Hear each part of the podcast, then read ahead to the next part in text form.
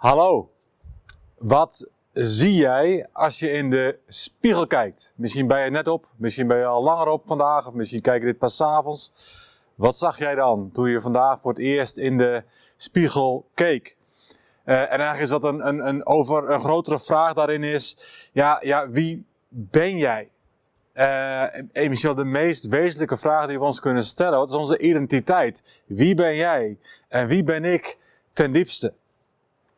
En wat zie je dan als je in de spiegel kijkt? Hoe kijk je? Wie zie je? Heb je scherp zicht? En heb je een goed beeld van jezelf? Dat zijn fundamentele vragen. En dan is ook wel de vraag, ja, is dat wel het juiste beeld wat jij hebt van jezelf als jij in de spiegel kijkt en daar allerlei gedachten bij komen? Ben je geneigd misschien wel om vooral naar jezelf te kijken zoals je weet hoe anderen naar je kijken?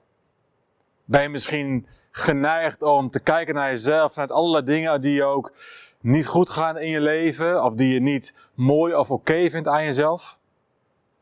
Ben je geneigd om te kijken naar juist vooral de dingen die goed gaan? Hoe kijk je? En weet je, hoe je kijkt kan uiteindelijk wel zorgen voor een heel verwrongen beeld van jouw identiteit. En, en het gebeurt heel veel. En, en er zijn meteen al veel vragen. En de grote overkoepelende vraag is, ja, wat is jouw identiteit? En waar is jouw identiteit, jouw ultieme zijn, waar is die ten diepste op gebaseerd? En identiteit is, is heel vaak gebaseerd op dingen buiten onszelf. En reclamemakers die weten dat maar altijd goed. Oeps. Als je hun merk bier, als je hun merk auto, als je hun merk cosmetica product maar gebruikt, yeah, dan zal de magic happen. Dan, dan uh, ben je iemand. He, dus dat zit dingen die buiten je zijn. Als jij die toepast in je leven, ja, dan zul je iemand zijn. En dan zullen andere mensen je ook aantrekkelijk vinden of interessant. Of wat dan ook. En, en dan maar hopen dat anderen dat ook zien. Dodelijk vermoeiend. Jezelf constant moeten afvragen of je wel geaccepteerd wordt. Of je het nog wel hebt. Man, dat geeft vooral onrust. En dat geeft onzekerheid. En onzekerheid Onzekerheid heeft ten diepste dan weer te maken met angst. Angst om afgewezen te worden. En ik denk dat de meesten van ons daar zo nu en dan wel last van hebben. De angst om afgewezen te worden door anderen. Misschien van dichtbij, misschien van veraf. En weet je, is maar één medicijn om van angst af te komen. Eén medicijn wat echt werkt. Op het allerdiepste niveau. En het medicijn is niet moed. Je zou natuurlijk denken, dat is het tegenovergestelde van angst. Is moed, is durf, is lef. Nee, in de Bijbel lezen we in 1 Johannes, 14, sorry, 1 Johannes 4, vers 17. De volmaakte liefde drijft de vrees uit. En vrees is hetzelfde als angst. Dus wat drijft angst uit je systeem, uit je ja, ziel, uit je hart? Volmaakte liefde. En, voor dat vers lezen we in 1 Johannes, 1 Johannes 4, maar ook, ook verder in 1 Johannes. Ja, God is liefde. En God is volmaakte liefde. In de hele Bijbel zien we, ja, God, Hij is volmaakte liefde. En, en het, het meest bijzondere wat je maar kunt ontdekken in de Bijbel, is dat die God, de God die alles heeft gemaakt, die boven alles is verheven, die God, die houdt van jou. En die God, die houdt van mij. En daarin is dan weer het belangrijkste. En voor sommigen is dit allemaal gesneden koek. En toch moet het af en toe weer opnieuw horen en opnieuw laten binnendalen. Ja, aan die liefde, daar kun je helemaal niks verdienen. Je hoeft het niet te verdienen, maar je kunt het ook niet verdienen. Je hoeft ook niet aan allerlei beoordelingscriteria te voldoen. Nee, je mag komen zoals je bent. Want God, Hij heeft je gemaakt en hij heeft je gewild. En door het offer van Jezus aan het kruis van Golgotha, wel zegelijk, door dat offer kun je dat geschenk van Gods liefde ontvangen. Kun je het gewoon aannemen, mag het ontvangen. Jezus, Hij is het die ons mooi maakt in Gods ogen. In de Bijbel lezen we in het Oude Testament, in Deuteronomium en in Leviticus, uh, dat in het bloed, dat daar het leven in zit. En daarom vloeide er ook zoveel bloed in het Oude Testament. Dat bloed dat staat voor het leven van een dier.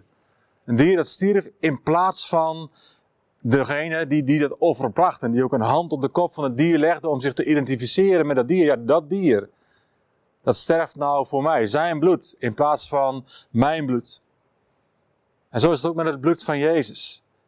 Het ultieme offer van Jezus aan het kruis. Want zijn bloed brengt ook leven. Zijn bloed brengt leven met een, met een hoofdletter L. Want zijn bloed, ja, dat klinkt altijd heel raar, maar zijn bloed wast ons schoon van alle vuil uit ons leven. Alle boosheid, alle manipulaties, alle leugens, alle ikgerichtheid. En noem het allemaal maar op. Zijn bloed wast ons daarvan schoon. Zijn bloed maakt ons tot koningskinderen. En, de grootste waarheden daarvan, die kunnen ons denk ik maar nauwelijks beseffen. We hebben het nodig om te beseffen dat wat Paulus schrijft in 2, 2 Corinthians 5 vers 17, dat dat echt realiteit is. En dat we daar ook echt meer en meer uit mogen leren leven. Hij zegt, zo is dan wie in Christus is, wie, wie gelooft in de Heer Jezus, wie zijn vertrouwen stelt op Jezus, wie in Christus is, is een nieuwe schepping. Jij bent een nieuwe schepping als je gelooft in Jezus. Het oude is voorbij gegaan en zie, het nieuwe is gekomen. In Hem, in Jezus, ben je een nieuwe schepping. En dat wil zeggen, jij bent dan wie God zegt dat je bent. Niet wat anderen zeggen dat je bent. Niet wat je zelf kunt denken of voelen dat je bent. Nee, jij bent wie God zegt dat je bent. Iemand die geestelijk tot leven is gekomen. Iemand die één kan en mag zijn met de Vader. En is het misschien de grootste strijd die wij te leveren hebben? Waar mij het ermee te maken hebben. De grootste strijd is, is een strijd in ons waar Gods waarheid botst met, met onze eigen waarheid. Onze waarheid die gebaseerd is op ons denken, op ons voelen, op hoe we ons voelen. En ons voelen kan weer gebaseerd zijn hoe anderen op ons denken, hoe anderen op ons reageren.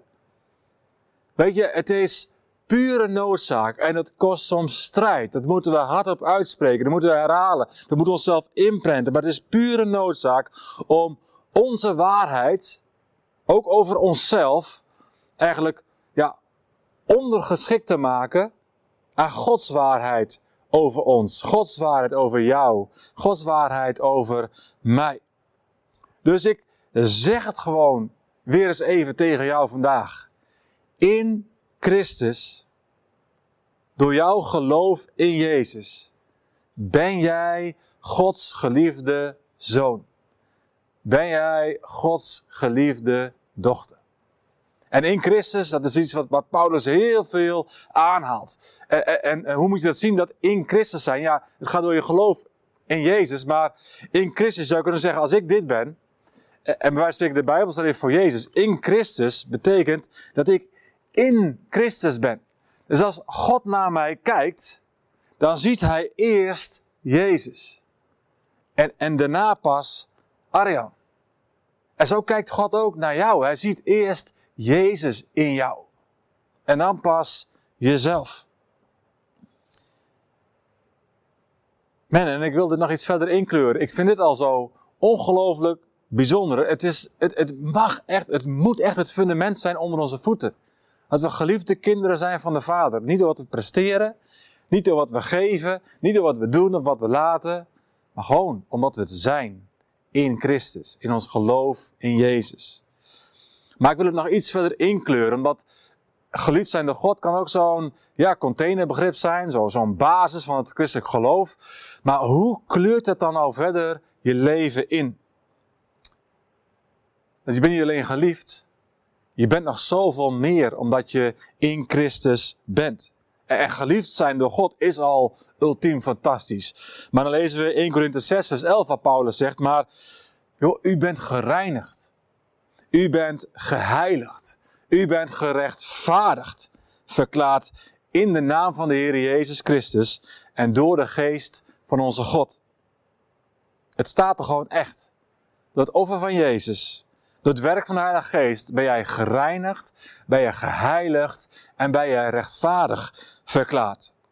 Dat zijn ook hele grote christelijke woorden, maar in andere woorden, jij bent goedgekeurd en jij bent aanvaard door God. Volledig. Je bent volledig goedgekeurd en je bent volledig aanvaard. En zo kijkt Paulus nu. Met die blik van God kijkt hij naar de gemeenteleden in Korinthe. En zo kijkt hij naar iedereen die zijn geloof en zijn vertrouwen stelt op Jezus. En, en het is een contrast, want in de versen daarvoor somde Paulus nog op wie ze waren toen ze ja, zich nog niet hadden omgekeerd, dus ze zich niet hadden bekeerd tot Jezus. Toen waren het nog mensen joh, die ontucht pleegden, die afgoden dienden, die, die zelfzuchtig waren, geldzuchtig, dronkaars, lasteraars, altijd maar oordelen en roddelen. Maar dan klinkt daar het geweldige getuigenis. Ja, dat zijn jullie ooit geweest.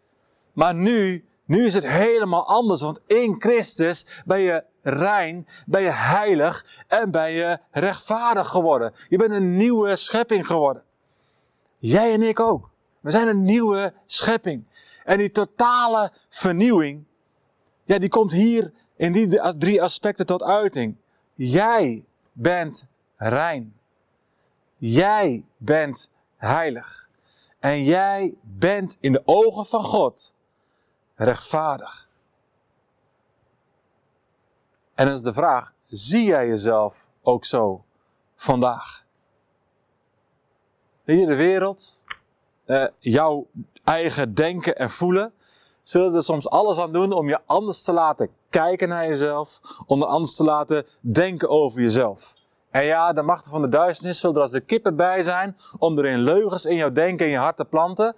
En als je er als witte, om die vooral ook te vergroten en te versterken. Maar mag Gods woord daarin ook vandaag een doorslaggevende stem hebben? Want hoe jij jezelf ziet, ja, is, is bepalend voor hoe jij in het leven staat. Jouw houding, jouw daden, jouw reacties op, op wat er om je heen gebeurt, jouw reacties ook op verleiding, jouw reacties ook op verzoeking, ja, die worden voor een groot deel bepaald door de manier waarop jij naar jezelf kijkt. Door je bewuste en onbewuste zelfbeeld. Spreuken 23 vers 7 zegt, ja, zoals iemand in zijn hart denkt, zo is hij. En zo zal het ook tot uiting komen in zijn of haar leven. Dus als jij jezelf blijft zien als, oh, ik ben zo vaak onrein, en ik ben ook zo vaak onheilig, en ik voel me ook onrechtvaardig, ja, dan zul je daar ook steeds naar blijven leven. Maar als jij door Gods genade jezelf ziet als rein, als heilig, als rechtvaardig, dan zul je meer en meer gaan leven naar die waarheid. Naar die positie die je wel degelijk hebt in Christus. En op basis van je nieuwe identiteit in Christus. Dus ik wil je uitnodigen. Kijk vandaag nog een keer in de spiegel.